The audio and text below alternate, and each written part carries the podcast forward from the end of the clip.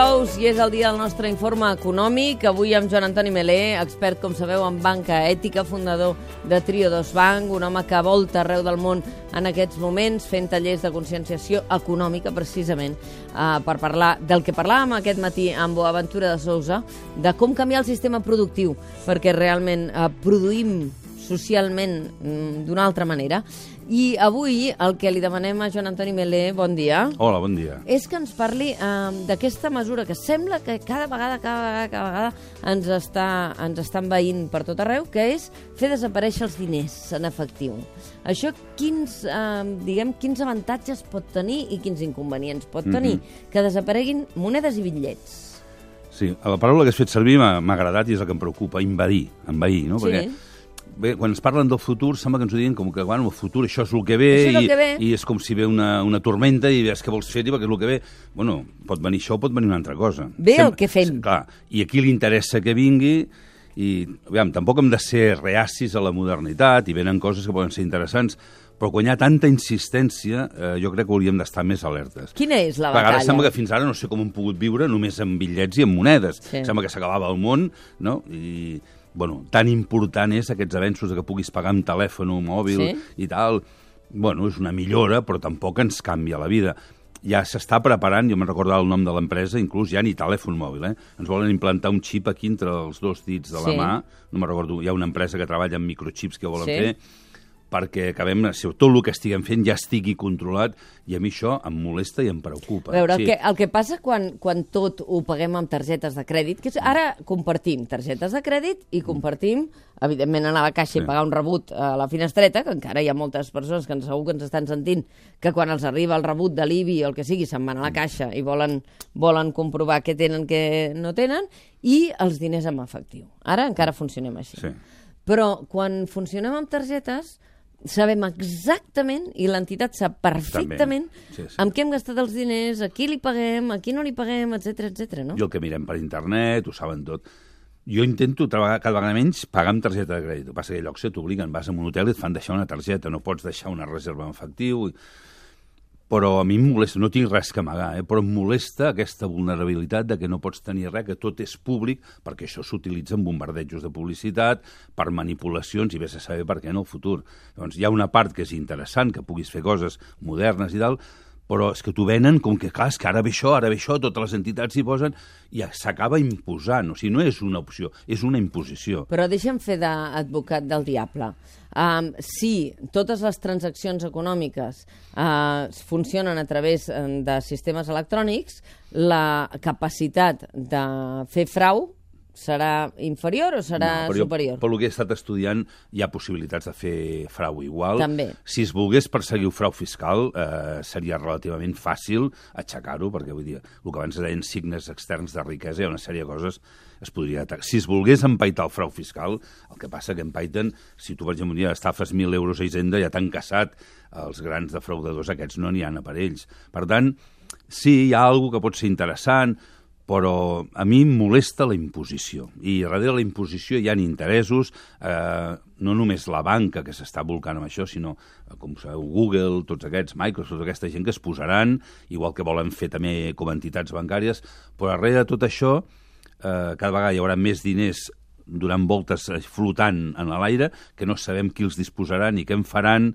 ni... O sigui, hi ha alguna eh, sota, que ens venen la comoditat i el progrés, hi ha una seducció massa gran pel progrés. I a mi és el que em molesta, ja dic, pot haver coses, per la targeta de crèdit pot estar bé un moment determinat, jo no ho negaré, jo dic, no la utilitzo sempre, per què? Per, perquè no, tinc perquè, no tenen per què saber tot el que estic fent. A veure, en aquests moments, aquesta tardor, s'ha llançat un sistema, una plataforma que es diu Visum, B alta i Z-U-M, eh, que la impulsen 16 bancs a l'estat espanyol, entre els quals els més grans, evidentment, BBVA, CaixaBank, eh, el Banc de Santander, i tenen previst afegir-s'hi 18 bancs més que permet transferències de diners entre particulars. I a data d'avui, això s'ha llançat aquesta tardor, hi ha 158.000 usuaris que són molts perquè acaba de començar a funcionar. S'han fet 70.000 operacions i això el que permet és que tu eh, transfereixis diners a un altre company o un altre Sí. amic a través del telèfon mòbil. No has de saber ni el seu compte corrent, perquè et baixes l'aplicació, Si jo l'associes 300 a un euros, corrent... te'ls passo al teu telèfon. Ja, però vull dir, eh, tant problema era posar-me la butxaca i donar-te els 300 euros. Sí, això és el que vull I dir si jo. no sí. el puc veure? I si està a Saragossa? No, per això- I si els necessita per pagar el lloguer? Bueno, ja. Però es poden fer transferències com han fet fins ara. Sí. Vull dir que, que sí, que està bé innovar coses, però t'ho venen com volent dir, clar, és que ara ja això és imprescindible, no? Com quan surt un telèfon de nova generació, i a mi això és el que dic. Està bé, tot el que sigui aportar coses noves interessants, està bé, però no ens hauria d'obsessionar tant i no hauria de ser una imposició. Jo el que veig és que sempre hi ha una imposició i darrere una imposició la imposició potser no, però tu ho has dit, envaint, jo crec que la paraula correcta, hi ha uns interessos de gent que amb això es faran rics. A veure. I els altres acabem sempre sotmesos a fer el que els altres ens estan marcant i dir, bueno, és que és el futur que ve. Bueno, hi ha altres futurs imaginables. Cadenes com McDonald's ja estan implantant que amb el polze, un cop tenen les nostres empremtes digitals, puguis pagar, per exemple. No? El Visum és una aplicació, tu te la descarregues, cada entitat eh, està associada en aquesta plataforma, et, et descarregues la de la teva entitat financera i aleshores això et permet fer aquestes transferències de manera immediata. Atenció perquè a alguns països europeus ja s'han marcat fites de dir, escolta, a partir de, em sembla que és Dinamarca, em deia l'Ignasi Abad, no? A Dinamarca han prohibit pagar en efectiu a restaurants, botigues de roba i gasolineres, només es pot fer amb targeta de crèdit o amb el mòbil. I a Suècia diuen que el 2030 desapareguin els bitllets. Jo vaig estar a Suècia fa un parell o tres d'anys i per comprar un diari o, o, res, o per pagar un cafè es pagava amb targeta, eh, la gent habitualment. Bueno, està bé, vull dir, és una utilitat, però hi ha la contrapart aquesta, és dir, si es converteix en una obligació, a mi em molesten les obligacions d'aquest tipus. És, a dir, és que només podràs fer això. Um, M'estàs coartant llibertats. Clar, però hi arribarà un moment que si això continua així, perquè a Suècia circula un 2% de les transaccions es fan amb diners en efectiu, arribarà un moment que el Banc Central Europeu haurà de decidir què fa amb els diners, amb els bitllets, si deixa d'imprimir i, per tant, desapareix uh, l'euro físic, diguéssim, no? Ara desapareixeran els de 500, perquè diuen que així hi haurà menys frau. Sí, jo ho dubto, de que hi hagi menys frau, perquè dic, segur que trobaran la manera, perquè l'han trobat sempre, per això hi ha els paradisos fiscals i...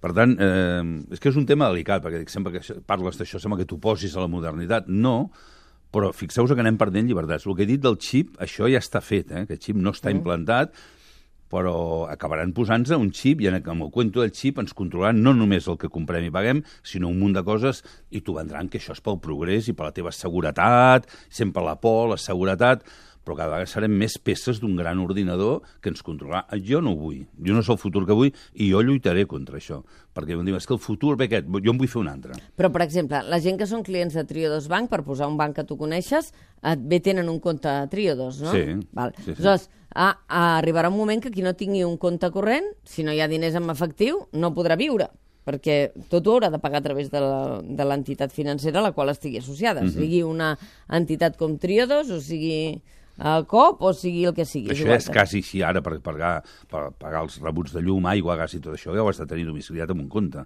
No sé si encara es pot anar a pagar amb efectiu en algun lloc. Em sembla que ha desaparegut. Eh, fins i tot això molesta. Jo crec que sempre hauria d'haver una part de llibertat de que una persona pugui fer, de que no ens treguin llibertats. I jo el que veig que ens les estan traient, amb la pretexta de la modernitat.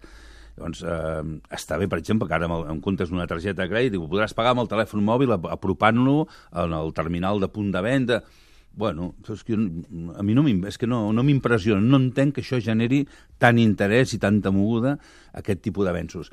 Però és que no el genera, va ser que te'ls van imposant, te'ls van imposant, i al final acaba sent prohibició, com es prohibeixen altres coses. Vull dir, parlant de modernitat, és un altre tema, però a Colòmbia a mi em va molestar molt veure que el govern ha prohibit als agricultors plantar les seves pròpies llavors, han de comprar les de Monsanto. Bueno, que ara ja no és Monsanto, que ho ha comprat Bayer. Sí. No, perquè clar, perquè és el progrés, perquè és més modern. Ja, però és que, fixeu-vos que no, ens van invadint i com que estem en un estat de somnolència, ens va entrar en tot i ho anem acceptant.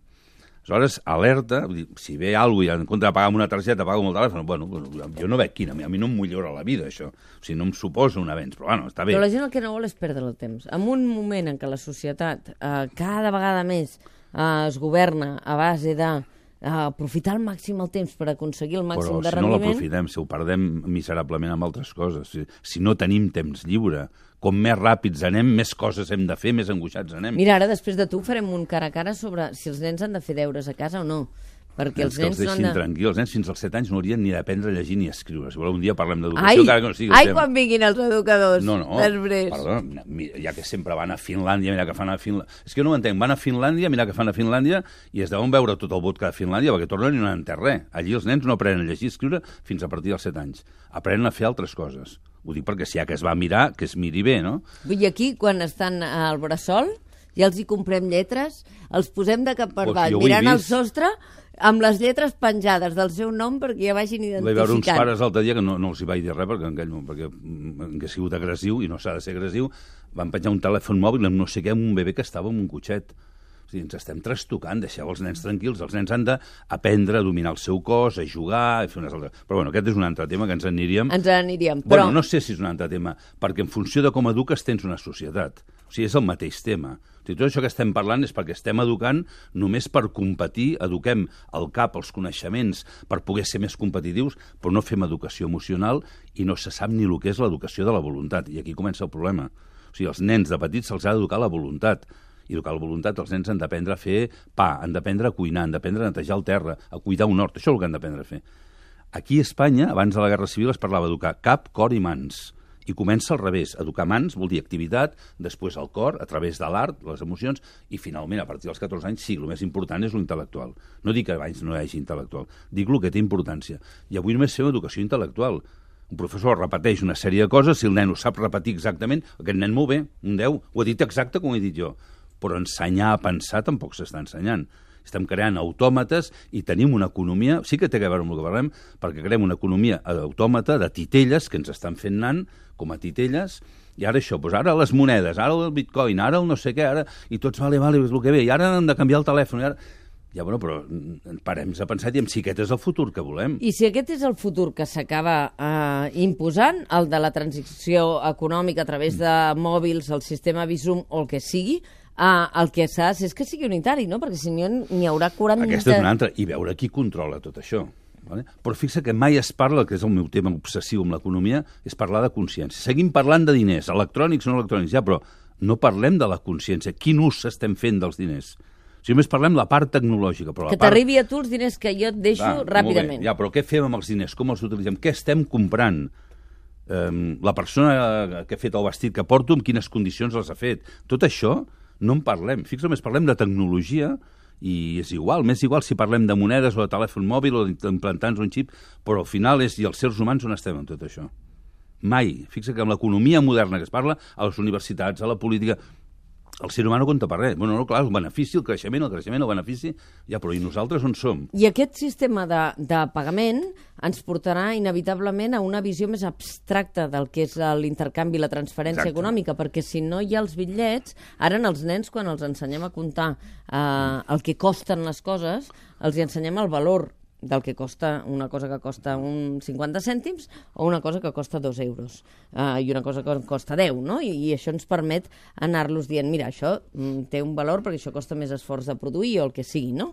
L'altre dia parlàvem del cost dels pinyons amb l'Oriol Balaguer. Diem, per què els, els pinyons són tan cars? Doncs perquè costa més extraure'ls de les pinyes, pelar-los, etc etc que no una altra fruita, no? O un altre fruit sec. Això, aquest valor de l'economia associada a l'esforç humà que costa produir, cada vegada serà més abstracte. Com més sofisticat és el procés, més va, es perd la consciència. Això va passar amb les targetes de crèdit. O sigui, me'n recordo quan encara es treballava en una caixa, a final de mes, per no dir tots, però sempre s'ha de deixar un marge, que algú dirà, jo no, vale, però tu no, però, però un 90 i pico per cent, que acabes dient això, eh, arriba a final de mes no saben ni quants diners han gastat amb la targeta de crèdit ni amb què s'ho han gastat. Perquè vas allí, o això els grans magatzems, que dius, escolta, compri, que ja li vindrà després. I t'ho estan dient, li vindrà.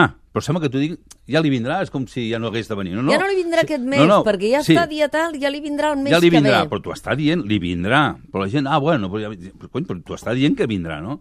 Els problemes que hi han d'impagats, eh, de gent que millor cobra 1.000 euros o més i n'ha gastat 1.200 amb la targeta, tot això és... Eh, però no és un problema de la tecnologia. El problema és que la tecnologia va molt més ràpid que el desenvolupament de la nostra consciència. La nostra consciència no és que no avanci, és que jo crec que s'enredareix eh, estem hipnotitzats amb tot. Vull dir, ja dic, amb, amb, amb els esports, per exemple, que l'esport és molt maco, però és que ocupa la major part de les notícies. Els diaris més No, coneguts són d'esport. no, no, no. no. tu no, no. No, però que està molt bé l'esport, però fixa't com en el fons hi ha algo que de dir, la consciència està allí estancada i la tecnologia, i el problema és aquest, no és un problema de tecnologia, la consciència del ser humà i de la vida no va al mateix nivell. Per tant, tot això que està venint, per mi la paraula clau és el que has dit al principi, ens està inveint, ens ho estan imposant i ens prohibiran l'altre. A mi això és el que em molesta.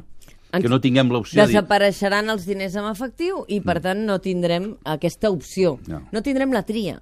Aquest serà el problema. no hi ha la tria, aquest és el problema. En cada nou avanç ens van traient la, les opcions aquestes. Mira, uh, ens escriu un dels nostres oients que signa suau, hashtag suau, m'agrada molt aquest hashtag, diu, bon dia, cert que cada dia ens controlen més. Jo miro de pagar sempre que puc en efectiu. Pel que fa a l'aplicació aquesta per transferir diners a altres particulars, només penso que a final d'any Hisenda els passarà el rebut del 12% per transmissions en vida. És possible? pues, bueno, pues, home, amb això no ho crec, però si fossin quantitats grans no ho descarto, eh? Clar, no depèn de la descarto. quantia. Sí, poden dir que és una, clar, una transmissió patrimonial Clar. o una donació. Sí, sí.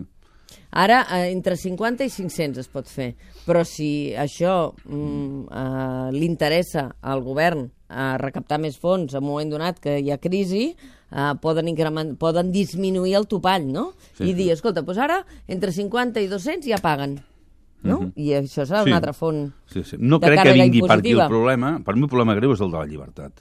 O sigui, amb lo nou no haurien de treure l'altra possibilitat. Qui vulgui seguir pagant amb diners, el no ten... o sigui, si jo vull anar a dinar en un restaurant avui, no tenen per què saber quin restaurant he anat. És que, però no perquè me n'hagi d'amagar, és que no, és que no em dóna la gana, no vull. No, no és que sàpiguen a quin restaurant has Tot. anat, és que saben què has fet des de que t'has llevat, perquè Sí. has passat per aquest peatge, has pagat amb targeta de crèdit, També, sí, has sí. aparcat amb la, amb la, la, la, la zona blava, carbassa, la morada o on sigui, has pagat Això amb la si targeta de satèl·lit que crèdit. ens està filmant ara, que tampoc ho Això descarto. és segur. On has dinat, on has esmorzat, um, uh, tot. Fins al punt que mires una cosa per internet i de cop i volta vas a una Sí. pàgina i t'apareix la última Sí, cosa sí, que has mirat. exacte. Sí, per sí. tant, oblida't de la llibertat, Joan Antoni Jo crec que amb això hem d'estar molt alertes de, perquè tindrem problemes amb la llibertat en el futur. Eh? És un tema que jo crec que no estem prou atents. Va entrant, el que dèiem la granota, no? ens van escalfant mica en mica i quedarem escaldats i no ens en donarem compte. O sigui, en la dicotomia entre uh, llibertat i seguretat, tu creus que al final uh, ens vendran seguretat a canvi de llibertat? Si volguessin la seguretat i el volguessin tenir seguretat i controlar el frau, hi ha moltes maneres de fer-ho avui, no ho estan fent. O sigui, és una excusa, és utilitzar una mitja veritat com a excusa, però en el fons, mm, jo que viatjo molt, cada vegada tinc més problemes per anar pels aeroports, més controls, bueno, l'altre dia a, a Miami una bronca perquè portava mocadors de paper a la butxaca no me'ls havia tret. Mocadors de paper. Mocadors de sí, paper? Sí, me'ls, perquè no me'ls havia tret, doncs, bueno, no sé, és igual. És que cada vegada són més coses, és com una bogeria Però que, col·lectiva. que es pensaven que anaves No sé, a la campanya de la Hillary Clinton en un lloc, a plorar. aixecar els braços en l'aire... Bueno, per això dic, estiguem alerta, eh, el ser humà es caracteritza, per la, de moment, l'aspiració a la llibertat i a l'amor, i això no en sento que se'n parli mai quan parlem d'economia. Llibertat, per guanyar molts diners sí, però llibertat de, de decidir ens l'estan limitant. Doncs uh, parlem de l'amor i de la llibertat i de la consciència, a l'informe de Joan Antoni Melé, un cop cada 15 dies, segur. Moltíssimes gràcies per acompanyar-nos. Bon viatge, encantat. perquè segur que d'aquí a que ens tornem a veure ja n'hauràs fet uns quants més de Algun. viatges. Que vagi bé. Gràcies.